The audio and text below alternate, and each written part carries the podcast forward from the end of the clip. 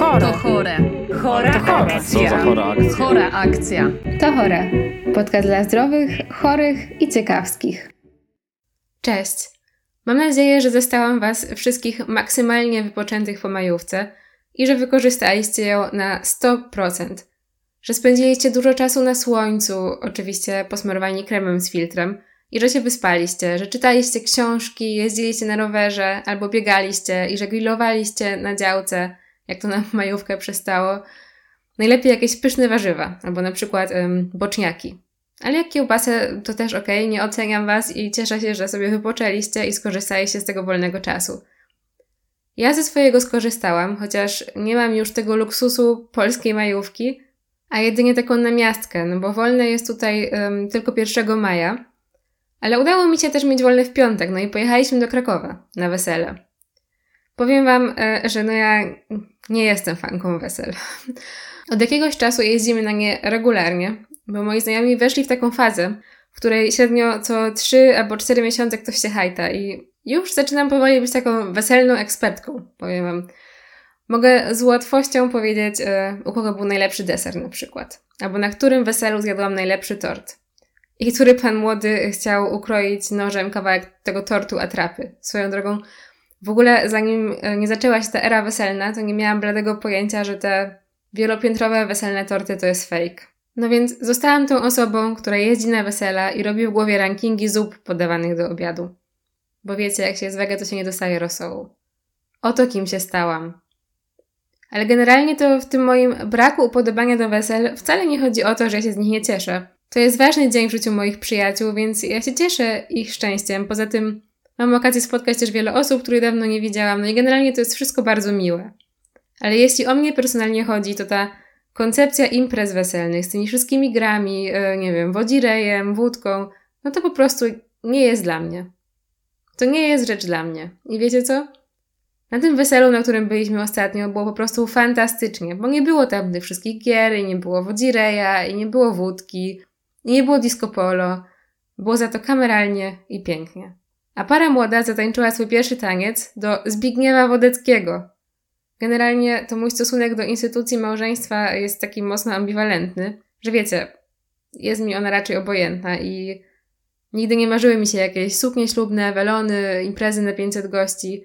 Nie przekopuję y, się w myślach przez wszystkie ckliwe piosenki, jakie znam, kiedy to mówię, ale jest jedna, która moim zdaniem po prostu idealnie nadaje się jako podkład do pierwszego tańca i zawsze o tym myślę, gdy ją słyszę. I to jest właśnie rzuć to wszystko, co złe Wodeckiego.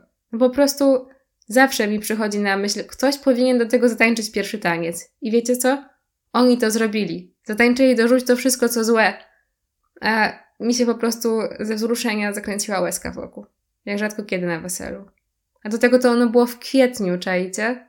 Wspaniałe. Ale ten przydługi życiowy update z majówki niewiele ma wspólnego z głównym e, tematem tego odcinka, chociaż obie sprawy um, łączy Kraków. Bo właśnie w Krakowie znajduje się mój ulubiony mural. Widzicie, jaki zwrot akcji? Czyli napis Kiedy ostatni raz robiłeś coś po raz pierwszy na murze przy Starowiślej, tuż przed e, mostem powstańców śląskich. Kiedy mieszkałam w Krakowie, to mijałam to miejsce dosyć często, kiedy jechałam tramwajem na uczelnię. Mam do niego bardzo duży sentyment, bo no właśnie, gdy tak przejeżdżałam koło niego na trasie do szpitala dziecięcego na przestrzeni lat, w zależności od okresu w życiu pojawiały mi się w głowie bardzo różne myśli. Pamiętam, że przejeżdżałam obok tego muralu przykład w paskudne popołudnie w czasie sesji zimowej, takie wiecie, deszczowe popołudnie w zimie, jest ciemno i tak wilgotno i obrzydliwie. I myślałam sobie, że ja nie robię nic nowego. Moje życie składa się po prostu z wiecznego przesiadywania z nosem w książkach. I tak jak kiedyś się w kółko uczyłam tego kurde cyklu Krebsa, tak teraz co pół roku męczę jak głupia kaskadę krzepnięcia i jeszcze kilka dni nauki, nie wiem, to była chyba immunologia, tej immunologii klinicznej. I przysięgam po prostu, że chyba oszaleję. Oszaleję, po prostu rzucę to wszystko i zmienię zawód. Moja przyjaciółka dokończyłaby to zdanie i zostanę programistką, powiecie, praca z domu, dobre zarobki. Ale ja to bym się chyba do tego nie nadawała. Pewnie gdyby mi wystarczyło pewności siebie, to prze przekwalifikowałabym się na coś bardzo nieopłacalnego, spełniającego moje kreatywne potrzeby, a jednocześnie pewnie na dłuższą metę równie frustrującego, na przykład pisarstwo. Jakby, no nie żyję pod kamieniem i doceniam to, jakie możliwości dają nam nowe technologie, Ale część mnie i tak chciałaby się urodzić w innej epoce i być jakimś hipisem, albo chociaż no nie egzystować w świecie, gdzie są deepfake'i i TikTok. Ale wracając do rzeczy, bywały też momenty, kiedy uśmiechałam się do siebie na widok tego napisu na Starowiślej, bo uświadamiałam sobie, że robię naprawdę mnóstwo ekscytujących rzeczy. Szczególnie, że tak jak mówiłam, ten mural jest na trasie do Uniwersyteckiego Szpitala Dziecięcego w Prokocimiu, a ja byłam w tym czasie bardzo aktywna w kole naukowym i rzeczywiście bardzo często robiłam różne rzeczy po raz pierwszy. I myślałam sobie wtedy, przecież ja dzisiaj po raz pierwszy asystowałam do operacji guza mózgu, a jeszcze niedawno do zabiegu korekty wrodzonej wady czaszki. Czy może być coś bardziej cool? Tak, był taki okres w moim życiu, dosyć długi, kiedy chciałam zostać chirurżką i jak widać porzuciłam ten plan. Pewnie ktoś teraz tego słucha i myśli, że no jasne, żadna niespodzianka, bo przecież kobieta chirurg to jak świnka morska. Ani świnka, ani morska. Otóż nie. Miałam inne powody, żeby zrezygnować z tego pomysłu. To jednak nadaje się na osobny odcinek, ale tak w dużym skrócie to chodziło o mm, głównie o, o mm, no w sumie można powiedzieć, że no jednak o seksizm. E, jednak no jednak tak, jednak chodziło głównie o te świnki morskie i seksizm. Ale też po prostu doszłam do wniosku, że jednak jest coś, co jest bardziej cool. Natomiast wtedy było dla mnie coś bardzo ekscytującego i w ogóle nadal uważam, że to było mega ciekawe. Za to dzięki temu mijanemu na trasie do zajęcia muralowi zaczęłam zwracać uwagę na to, że bywają w życiu takie okresy, kiedy jesteśmy eksponowani na mnóstwo, a czasem wręcz przytłaczająco dużo nowości, no jak i takie, kiedy życie staje się bardzo monotonne. I ostatnio jestem znowu w takim czasie, kiedy tych pierwszych razów jest bardzo dużo. I myślę, że podobnie jak wszyscy, którzy są na początku swojej ścieżki zawodowej i, i rezydentury. Między innymi takim pierwszym razem jest pierwszy nocny dyżur. I tutaj muszę Was nieco wprowadzić w temat, bo um, jest trochę inaczej z dyżurowaniem w Niemczech niż w Polsce. Tutaj nie ma takiego systemu, że zaczyna się stopniowo, od krótkich dyżurów towarzyszących, tylko dyżur to dyżur i tyle. Od razu zostajecie sami. Jest oczywiście jakiś taki okres ochronny po rozpoczęciu rezydentury, podczas którego macie czas zaznajomić się z pracą szpitala i tak dalej, ale on trwa w zasadzie chyba 3 miesiące, a potem zostajecie rzuceni na głęboką wodę. No ale też nie bez rękawków i nie bez koła ratunkowego, bo macie pewne wsparcie na dyżurze. To oczywiście zależy od oddziału, na jakim się pracuje, ale na przykład u mnie, czyli na internie, mam do dyspozycji koło ratunkowe, taki telefon do przyjaciela, można by powiedzieć, czyli takiego specjalistę, który ma dyżur pod telefonem. Do niego dzwonicie, jeśli potrzebujecie specjalistycznej konsultacji, albo żeby go poinformować o czymś ważnym, co się zdarzyło. No, o ile to się nie zdarzyło o 3.30 w nocy i nie jest to jakieś epokowe wydarzenie. Wtedy możecie go poinformować, jak już się obudzi. Ten specjalista albo specjalistka nie jest dla Was fizyczną pomocą, bo możecie się z nim albo z nią skonsultować na odległość, ale nie przyjedzie do szpitala. Ale z uwagi, że mamy też pod oddział gastrologii, to pod telefonem jest także endoskopista, który przyjeżdża, jeśli ktoś na przykład, no nie wiem, zakrwawi z żelaków w przełyku. W szpitalu, w którym pracuję, mamy też yy, kardiologię i ten oddział też obstawia się podczas dyżuru internistycznego. I na nim wygląda to w zasadzie analogicznie. Jeden kardiolog ma dyżur pod telefonem i może do niego zadzwonić z pytaniami, a oprócz tego jest też tak zwany dyżurny STEMI. Generalnie jednak na oddziale fizycznie od samego początku jesteście sami. Nie wypowiem się tutaj, jak jest w innych specjalnościach, ale na dyżurze internistycznym podlega pode mnie około nie wiem, 80 do 100 pacjentów, czasem mniej, czasem więcej. Na sorze dyżuruje jednocześnie drugi internista, a właściwie no, lekarz w trakcie specjalizacji z interny albo po specjalizacji z której ze szczegółowych działek internistycznych. Są też jednak takie szpitale, gdzie dyżurny z oddziału zobowiązany jest na przykład w konkretnych godzinach e, schodzić na SOR i oprócz obstawiania oddziału przyjmować pacjentów na SORze. U nas nie ma takiej zasady, natomiast um, dość często robimy to po prostu tak koleżeńsko. Jeśli akurat dyżur na oddziale jest relatywnie spokojny, a na SORze przyda się druga głowa i para rąk do pracy. Średnio ma się w miesiącu dwa dyżury nocne na oddziale i jeden y, albo dwa dyżury weekendowe. Te w tygodniu zaczynają się u nas akurat e, o 16 i kończą o 8.30 kolejnego dnia. a w weekendy dyżuruje się po 12 godzin, czyli odpowiednio tam od 8.30 do 8.30. Taki system dyżurowania różni się jednak zasadniczo między szpitalami, ale tak czy siak dyżurować zaczyna się szybko. I jak jest na tym pierwszym dyżurze, kiedy zostajecie wyrzuceni na głęboką wodę? Szczerze mówiąc, to teraz mogę już to powiedzieć, że tak naprawdę to ja kocham ten nocne dyżury. Niepopularna opinia. Ale nie będę was tutaj mamić. Ten pierwszy jest trudny, jak wszystko to, co się robi po raz pierwszy. Dla mnie w ogóle na początku pracy zawodowej, a w sumie to jeszcze w trakcie stażu podyplomowego, dużą taką przeszkodą było to, że to, czego nauczyłam się z książek, jakoś w ogóle nie łączyło się w mojej głowie z praktyką.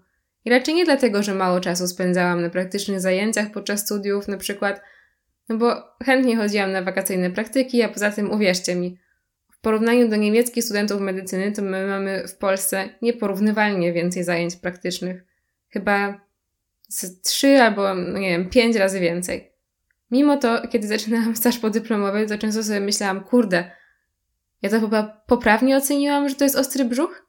Czy ja e, rzeczywiście widzę sinicę, czy mi się to, to, to tylko wydaje? Czy ta osoba ma taką urodę, że ma fioletowe usta? Żartuję oczywiście. Gdzie jest granica między zaniedbaniem a chorobliwym przeczuleniem? No to powinna być nazwa jakaś, nie wiem, jakiś syndrom, nie wiem, jaki syndrom. Syndrom początkującego lekarza, czy coś. Właściwie na to poczucie, że macie w głowie dużo wiedzy, że potraficie ją przelać na papier, szczególnie na egzaminie z pytaniami zamkniętymi, które dotyczą jakichś randomowych szczegółów, ale jak przyjdzie do wykorzystania tej wiedzy w praktyce, to czujecie się jak ostatni debil. Podobnie jest, jak się zaczyna dyżurować. Trzeba znowu odnaleźć się w tej nowej rzeczywistości i dalej ćwiczyć się w poleganiu na samodzielnej ocenie sytuacji. I to jest na początku, przynajmniej moim zdaniem, najtrudniejsze właśnie zyskać tą pewność siebie. Ja nie jestem żadnym life coachem, ale mogę Wam powiedzieć ze swojego doświadczenia, że droga do tego to jest po prostu droga prób i błędów. Bo jeśli nie sprawdzicie, czy nie macie racji, no to się nie dowiecie. A na początku lepiej sprawdzać niż nie, bo stawka jest wysoka. I nie powiem Wam, ile zleciłam tomografii głowy yy, w celu wykluczenia krwawienia albo udaru, ile USG albo rentgenów brzucha, które nie wykazały żadnej patologii. Bo było ich dużo. I każdy z nas wie, że Inni początkujący też bywają przewrażliwieni i robią czasem z igły widły. Chciałoby się powiedzieć, że przecież jak zleca się badanie i wynik jest prawidłowy, to tylko się cieszyć, ale umówmy się. Każdy z nas kiedyś ucieszył się z nieprawidłowego wyniku i zlecał coś, krzyżując po prostu palce, żeby e, w końcu znaleźć jakąś przyczynę. No nie wiem, bólu brzucha u pana Mieczysława. I nikt panu Mieczysławowi czy komukolwiek innemu e, źle nie życzył, bo ta satysfakcja z dodatniego wyniku, czy nieprawidłowej tomografii, wynika po prostu z tego, że mieliśmy rację, albo w końcu mogliśmy zakończyć ten proces diagnostyczny. Bo bywają takie przypadki, kiedy się szuka i szuka, zanim się coś w ogóle znajdzie. Ale dzięki temu ćwiczeniu się w postępowaniu diagnostycznym podczas dyżurów zaskakująco szybko nauczyłam się polegać na swoim oglądzie sytuacji i to jest pierwszy, a za to ogromny krok do usamodzielniania się.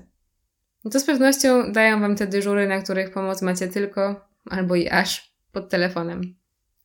Naprawdę Wasza krzywa uczenia się dzięki temu początkowo wzrasta niemalże pionowo.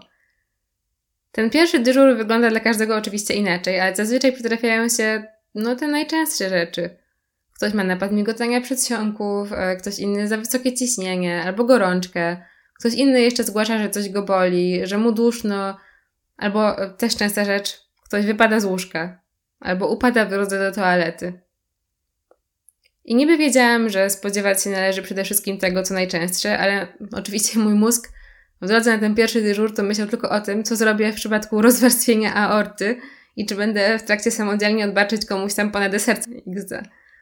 Ale otóż, kochani, nic z tych rzeczy. Na moim pierwszym nocnym dyżurze było właściwie jak w tych memach, w których wszyscy pacjenci 90 plus rozpoczynają o trzeciej w nocy swoje drugie życie. Pierwsza była pacjentka z nadciśnieniem. Już teraz nie pamiętam jakiego rzędu, ale strzelam. 190 na 110. No i podałam jej leki, zbadałam ją i wróciłam po jakimś czasie, a wtedy okazało się, że po pierwsze nie udało się wystarczająco zbić tego ciśnienia, a po drugie um, wyszło na jaw, że pani to ciśnienie skacze, bo się wściekła na swoją sąsiadkę. I wtedy, kochani, się zaczęło. Bo wściekała się rzeczywiście nie bez powodu. Sąsiadka, czyli splątana pani, yy, zdążyła bowiem w międzyczasie wstać i położyć do łóżka swojej współlokatorki. Wbrew jej woli, mimo to, że ona nadal w tym łóżku była, no bo nie była w stanie z niego wyjść. Pani z ciśnieniem zaalarmowała pielęgniarkę, a wtedy jej sąsiadka w delirium, wykrzykując różne e, zdania od rzeczy, zaczęła przemeblowywać pokój. A właściwie to miała zamiar poprzesuwać po prostu stojaki na kroplówki, na których te kroplówki akurat wisiały i podłączone były do węflonów e, w rękach pacjentek. A więc tamte widząc, że ktoś zamierza im wyrwać węflon, również zaczęły robić awanturę. W międzyczasie pani nad ciśnieniem, ciśnienie skoczyło ponownie, a kiedy dotarłam do tego pokoju, to jedna z pań krzyczała już, że ona dzwoni na policję, a druga, że po reporterów, bo policja sama tu nic nie wskóra, bo to trzeba po prostu jak najszybciej nagłośnić, w tym, że w tym szpitalu dochodzi do takich skandali. Pobudzona babcia w końcu położyła się we własnym łóżku i teatralnie wyrwała sobie wszystkie wkłucia, także to miejsce w ogóle wyglądało jakby stoczono tam jakąś krwawą walkę. E, pacjentka nadal e, nie pozwalała sobie jednak podać żadnego leku e, i jako, że oprócz ewidentnego majaczenia była też trochę podejrzana neurologicznie, no to postanowiliśmy ją zabrać na tomografię głowy, kiedy już trochę się uspokoiła. Ale tam zaczęło się znowu, bo chwilę później dostałam telefon, że pani próbowała pobić pielęgniarkę. Kiedy dotarłam na radiologię, to pacjentka siedziała już sobie na łóżku, niewzruszona, w siedzie z krzyżnym, wiecie, jak Buddha, po prostu e, oaza spokoju. A kiedy do niej podeszłam, to rzuciła tylko do mnie z oburzeniem won z mojego mieszkania. A wtedy już skapitulowałam i zaczęłam powoli naprowadzać ją na to, że jest w szpitalu, na co ona krzyknęła niemożliwe. Raz tylko wyszłam do toalety i już mnie zdążyli zabrać do szpitala? Kiedy już myślałam, że ten wątek majaczeń na ten dzień został wyczerpany, to zostałam e, wezwana do pacjenta, który o trzeciej w nocy poprosił mnie, czy nie mogłabym wytłumaczyć stojącemu w kącie księdzu, że nie oddam mu swojego majątku po śmierci?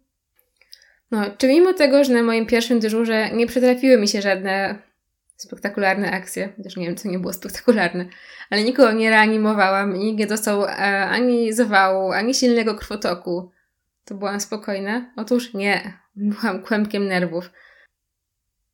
Ale ja to umiem dosyć dobrze maskować i całe to spięcie wychodzi ze mnie dopiero kolejnego dnia, kiedy po tym spadku adrenaliny i kortyzolu zaliczam totalny zjazd energetyczny. Jestem po prostu nie do życia. I tak właśnie było po tym pierwszym razie. Z czasem jest jednak lepiej.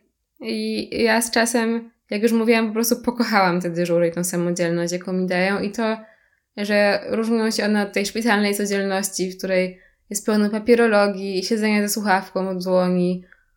Poza tym nauczyłam się też kilku rzeczy i nie mówię tu tylko o medycynie. Po pierwsze, żeby prosić o pomoc. To jest w ogóle podstawa. Jeśli tylko czujecie, że potrzebujecie chociaż trochę wsparcia, macie prawo o nie na dyżurze poprosić.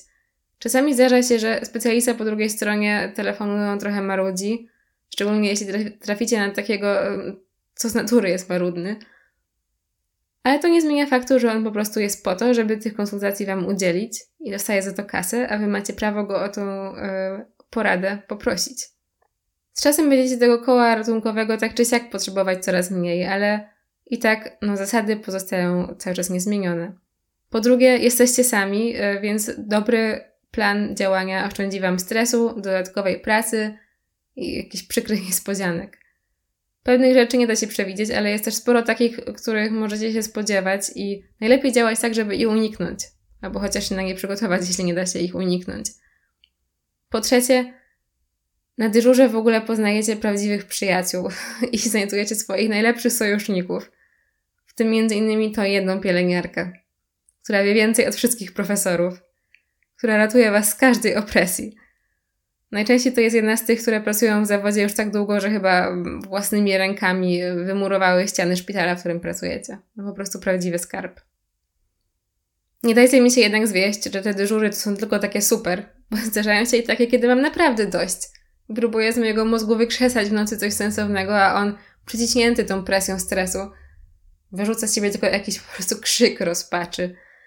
Kończy się to dobrze, ale potem wracam do domu i jak mi mój konkubent, programista, podsunie kubek kawy z pytaniem, jak tam było na dyżurze, to odpowiadam, że przejebane. I relacjonuję, jak całą noc zmagałam się z jakimiś klęskami żywiołowymi. On mi na to radzi, żebym poszła na medycynę rodzinną. A ja i tak zawsze odpowiadam, Ale przecież ja lubię tę adrenalinę.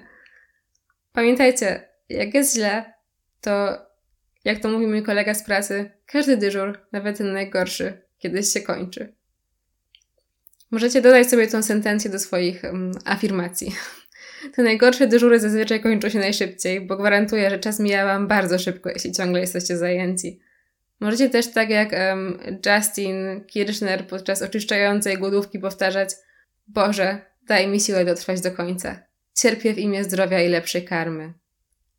Czy to jest wszystko, co mam do powiedzenia o początkach dyżurowania? W tym momencie chyba tak, ale jak tylko to mówię, to włącza mi się syndrom oszusta, bo ja sama nie jestem w tym temacie alfą i omegą.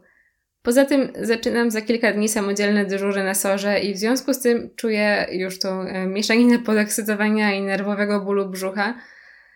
A im bliżej, tym więcej bólu brzucha, a mniej podekscytowania. Czy powiem za jakiś czas, że kocham dyżurować na sorze? Nie wiem. Może. Może. A może tej adrenaliny będzie już za dużo. Problem z adrenaliną jest taki, że część z nas, na przykład ja, ma tak, że jak jest jej dużo, to zaczynamy się angażować i powoli uzależniać od tego napięcia i podniecenia. Wiecie, mówię o takim uczuciu, które się ma, jeśli macie na dyżurze jakiegoś krytycznie chorego pacjenta i kolejnego dnia, gdy tylko wrócicie do pracy, to od razu, zanim jeszcze zdążycie wypić łyk kawy albo, nie wiem, otworzyć skrzynkę mailową, to sprawdzacie, co z tą osobą się stało. To takie uczucie, jakie się ma podczas leczenia 20-letniej osoby z chłoniakiem chemioterapią yy, z zamiarem kuratywnym, i ta chemioterapia wywołuje u tej osoby ciężkie powikłania, a wy stoicie przed sytuacją wszystko albo nic. Albo wyciągniecie tę osobę z tych powikłań i będzie miała szansę żyć bez nowotworu tak długo, jak jej zdrowi rówieśnicy, albo odejdzie. Oglądałam kiedyś z Szymonem taki serial na Netflixie, Grzesznica? Tak, chyba Grzesznica.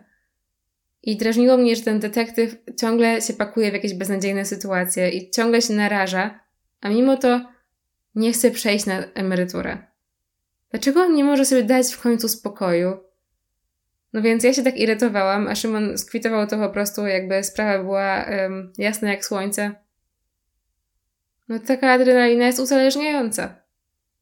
I wtedy dotarło do mnie, że w sumie to brzmi znajomo, co nie? Na tym zakończę dzisiaj temat dyżurowania. E, trzymajcie się nie zapominajcie pić dużo wody i smarować się kremem z filtrem. My słyszymy się za dwa tygodnie w kolejnym odcinku. Cześć!